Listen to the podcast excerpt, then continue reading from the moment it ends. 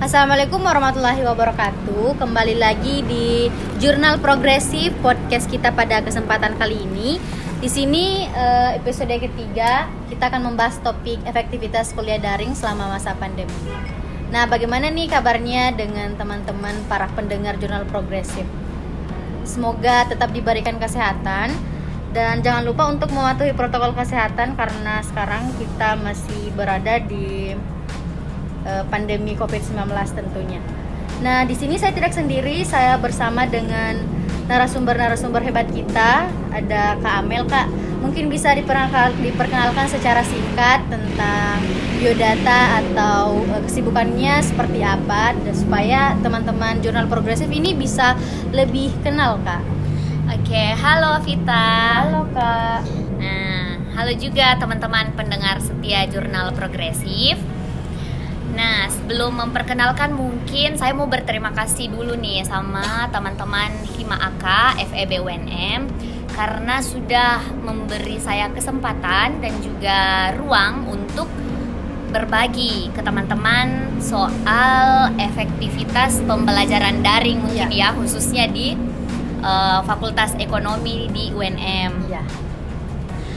Nah, uh, perkenalkan saya Amel salah satu mahasiswa akuntansi di Fakultas Ekonomi Universitas Negeri Makassar. Nah, kalau ditanya mengenai kesibukan, kesibukan yang saat ini dilakukan apa sih? Kesibukan saat ini itu sedang berjuang. berjuang ya kak. Ada berjuang apa? Kalau ditanya berjuang soal apa dalam banyak hal mungkin salah satunya berjuang menyelesaikan studi di UNM. Mungkin itu ya, Ya. kita. Oke, eh, baik para pendengar jurnal progresif eh, sedikit lagi dengan Kamel ini. Kamel ini merupakan salah satu mahasiswa berprestasi tahun berapa kak? nah, iya kebetulan kemarin eh, diberi kesempatan untuk eh, menjadi mahasiswa berprestasi di eh, Fakultas Ekonomi tahun 2019. Masya Allah sekali kak. Oke kak, kita lanjut ke narasumber kedua kita ada Kak Awal. Kak Awal ini mungkin bisa diperkenalkan secara singkat dan kesibukannya kak seperti apa? Ya, terima kasih. Eh, Pertama-tama mungkin saya panggil ini moderator ini dengan nama apa? Saya panggil namanya Yuspita atau Vita saja? Vita saja kak. Oh, Oke, Vita saja. Ya. Ya, baik Vita. Mungkin yang pertama adalah terima kasih kepada teman-teman eh, pengurus Hima KFUNM karena telah menjalankan eh, program yaitu podcast jurnal Hima AK Progresif ya. Ya, bersama-sama. jurnal progresif. Nah, terima kasih atas eh, kesempatan yang diberikan kepada saya untuk bisa berbagi atau sharing kepada eh, Vita dan teman-teman pendengar sekalian atau penikmat konten podcast jurnal progresif Hima KFUNM. Jadi ya mungkin per- yang pertama adalah perkenalkan nama saya Awaludin, biasa dipanggil Awal sih. Ya. Jadi mungkin kesibukan sehari-hari sekarang tengah berusaha untuk menyelesaikan studi karena berhubung sudah memasuki Tahap deadline akhir. Oh, iya. Sudah diperingat. akhir. sudah diperingatkan oleh kampus untuk segera meninggalkan kampus hanya lagi sementara berjuang untuk menyelesaikan Nah, studi semangat kak. mungkin seperti itu kapitan Baik, Awal ini juga merupakan eh, Demisioner Presiden BEM Fakultas Ekonomi. Periode berapa kak kalau boleh tahu? ya eh, kemarin sih sempat diamanahkan mencoba untuk mengambil eh, tanggung jawab itu dan masyarakat ekonomi me- memberikan amanah kepada saya untuk bagaimana bisa memimpin sebuah organisasi di tingkatan fakultas Wow. itu yang namanya Badan Eksekutif Mahasiswa FEUNM itu saya menjabat di kemarin di periode 2020-2021 Baik, mungkin itu tadi perkenalan singkat dari narasumber-narasumber yang tentunya sangat luar biasa pada malam hari ini. Langsung saja dengan topik efektivitas kuliah daring selama masa pandemi. Baik, di sini mungkin teman-teman eh, para pendengar jurnal progresif bisa merasakan terkait dengan perkuliahan daring yang eh, hampir bukan hanya di Indonesia tapi mungkin hampir di seluruh dunia merasakan hal tersebut. Nah, dengan eh, di sini kita kan eh, mungkin kayak sharing season, bagaimana pengalaman ataupun eh, keresahan dari kakak-kakak narasumber kita terkait dengan kuliah daring ini. Eh, Langsung saja terkait dengan sistem perkuliahan daring selama masa pandemi, bagaimana menurut kakak? Apakah sistem yang sebelumnya luring menjadi sistem daring ini efektif bagi mahasiswa khususnya Universitas Negeri Makassar nih kak? Mungkin dari kak Amel ya. Ya. Ya.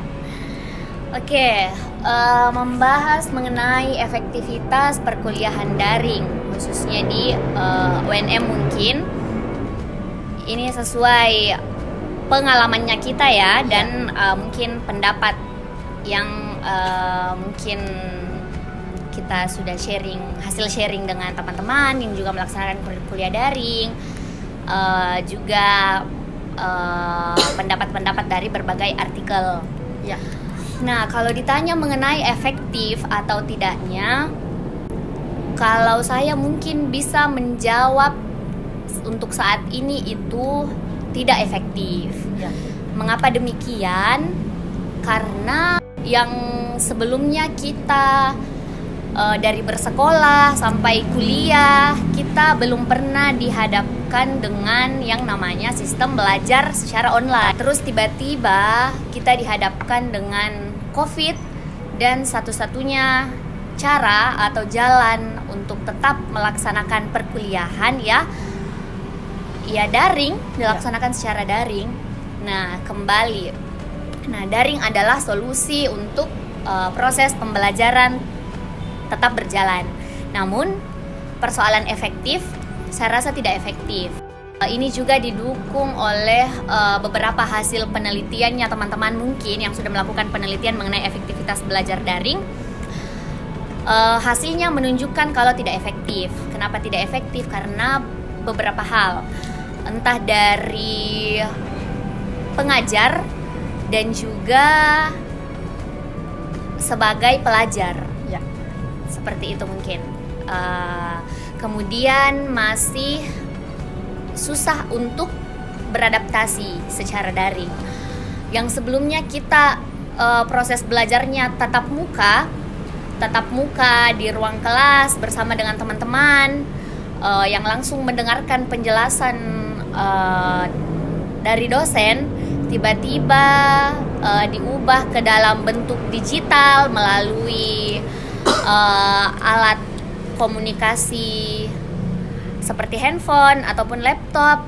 Mungkin kurang kondusif kayak karena Iya. eh, mungkin proses pemahaman juga dari para mahasiswa agak berkendala di situ kak. Iya, betul. Sangat sangat kurang kondusif. Kemudian yang seharusnya dari proses luring berubah menjadi daring, seharusnya semua pihak itu butuh usaha yang lebih, Ya, butuh effort yang lebih untuk mengikuti sistem pembelajaran daring ini. Misalnya saja dosen. Eh, dari sistem luring ke daring, tentunya dosen harus eh, berusaha lebih untuk pembelajaran daring ini, seperti eh, bagaimana mereka berinovasi, merancang dan meramu materinya untuk diberikan ke mahasiswa. Kemudian mereka harus eh, memikirkan kembali metode pembelajaran seperti apa yang kiranya bisa eh, diterapkan ke mahasiswa sehingga eh, ilmu yang kita berikan atau eh, Bapak Ibu dosen berikan itu bisa sampai atau diterima dengan baik oleh mahasiswa. Nah, kemudian dari eh, rancangan materi dan metode pembelajaran itu dihubungkan dengan penggunaan eh, media media pembelajaran apa yang digunakan yang bisa mendukung eh, materi serta metode pembelajaran yang mereka lakukan. Nah, eh, dari situ sehingga saya mengatakan bahwa eh, dosen butuh effort yang lebih untuk eh, pembelajaran daring ini. Nah, sementara yang terjadi mungkin sepengalaman saya kemarin ketika saya sempat eh, kuliah daring, merasakan kuliah daring itu satu semester ya awal Iya, satu semester.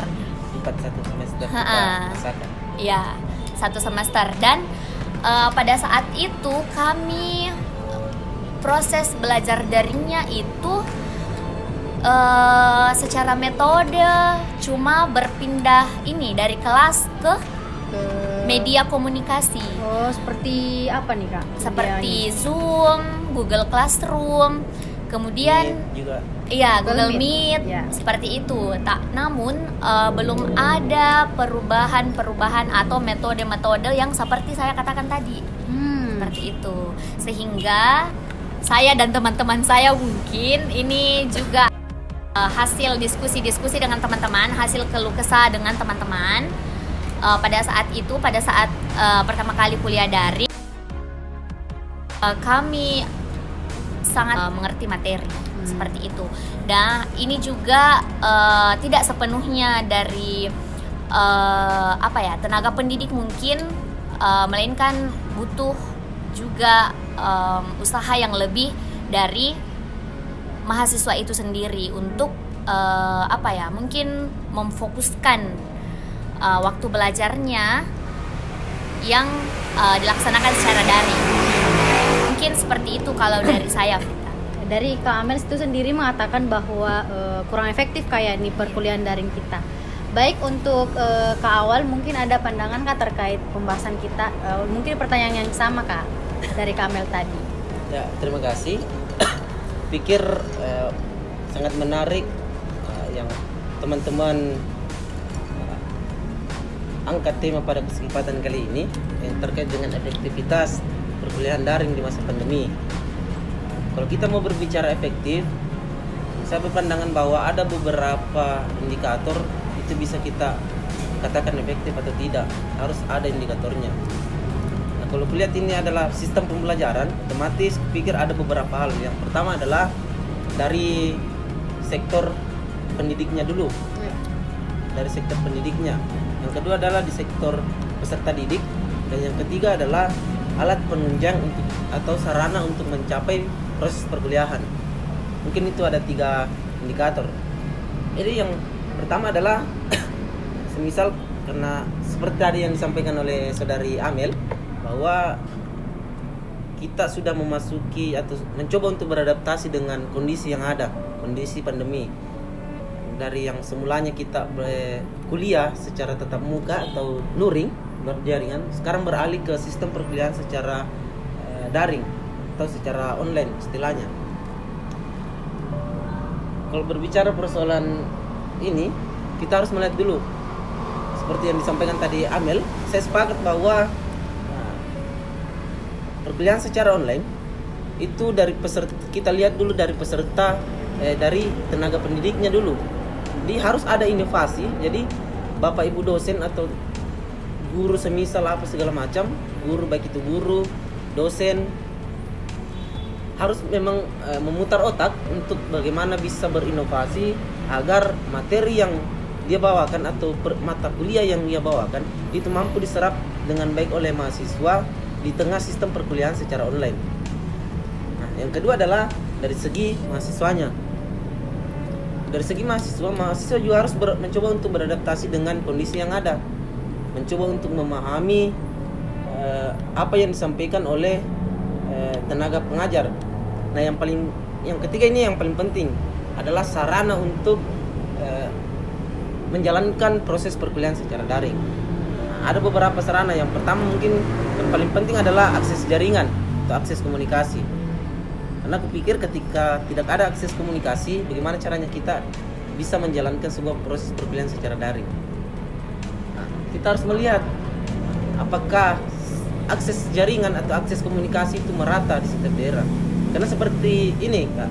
Kalau kita kuliah secara offline, otomatis kita itu berada di Makassar Iya. atau berada di sekitaran kampus atau lingkup kampus. Nah, karena sekarang sistem online, jadi eh, pemikiran saya bahwa sekarang online berarti harus tidak mesti bertatap muka langsung secara dengan dosen. Otomatis banyak teman-teman saya memilih untuk pulang kampung dan menjalankan proses perkuliahan di kampung Iya. karena menggunakan teknologi. Karena dilemanya adalah ketika semisal kita masih di Makassar tapi sistem perkuliahan secara online itu memakan biaya.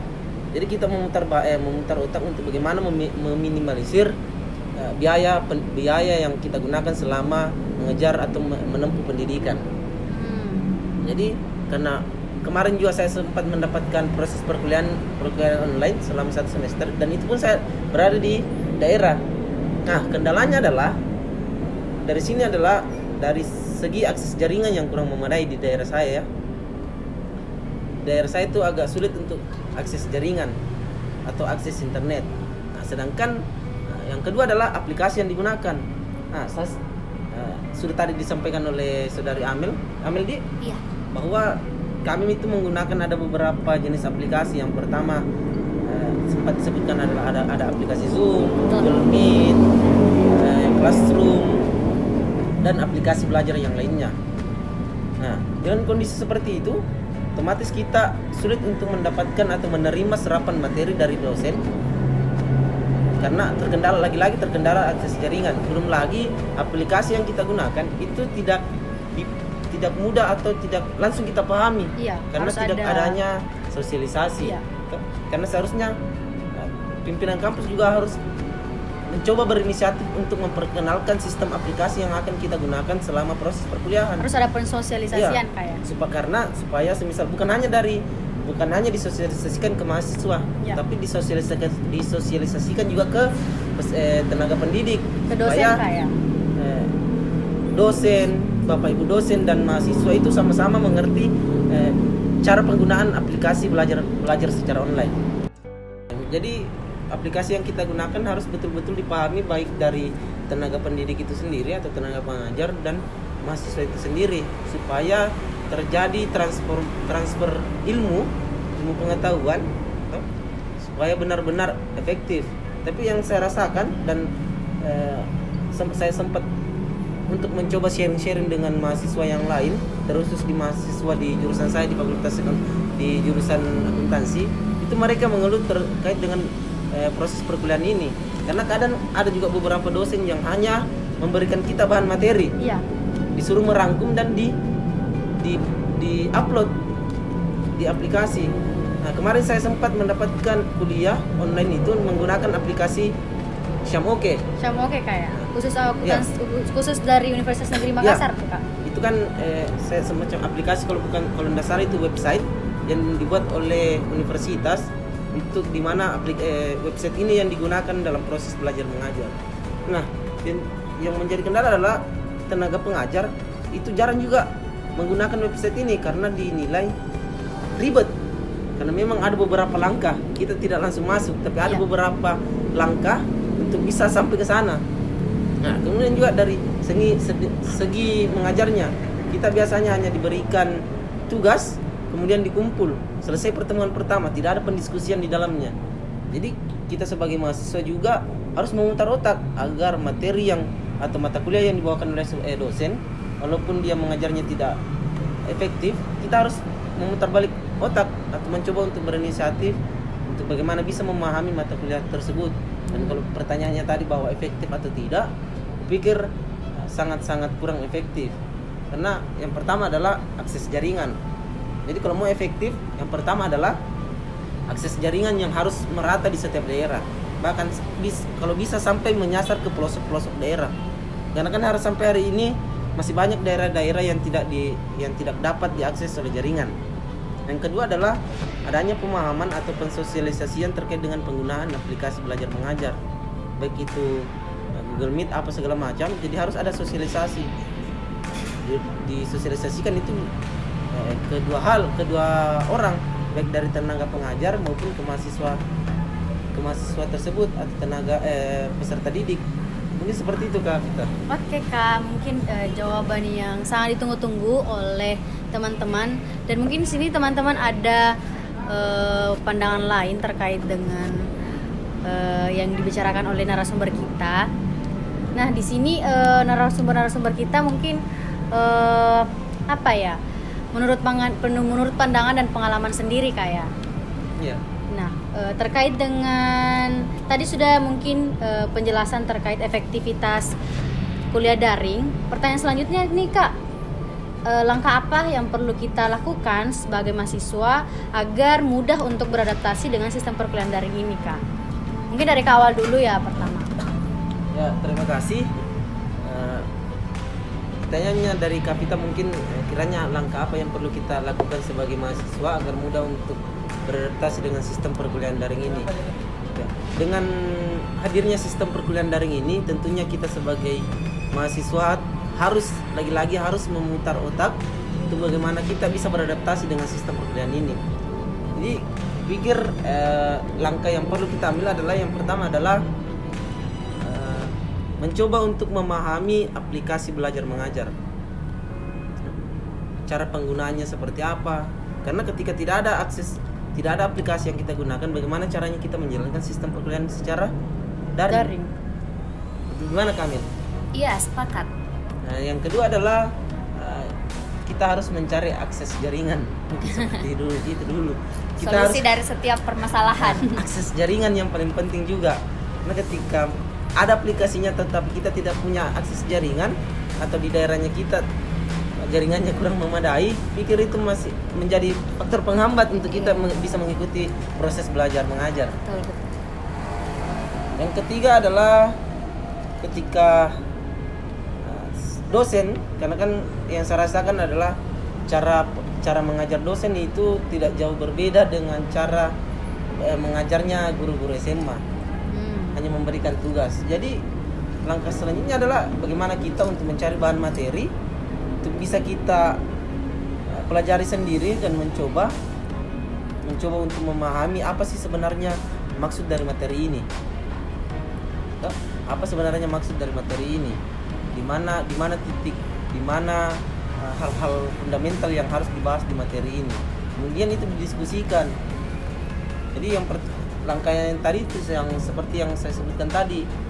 Jadi mungkin kayaknya bisa ditambahkan dari saudari Amel mungkin toh Oke, itu Mungkin tadi itu.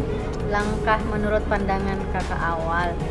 Eh, nah kak, Kamel sempat ada sedikit te- eh, tambahan tentang langkah apa sih yang harus dilakukan untuk mahasiswa agar mudah beradaptasi dengan sistem perkuliahan daring ini kak? Iya, eh, bagaimana kiranya mahas eh, ini langkah dari mahasiswa ya, Iya. Eh, supaya bagaimana mereka bisa beradaptasi dengan sistem perkuliahan secara daring. Nah, eh, yang paling pertama mungkin yang harus mahasiswa lakukan adalah pembiasaan karena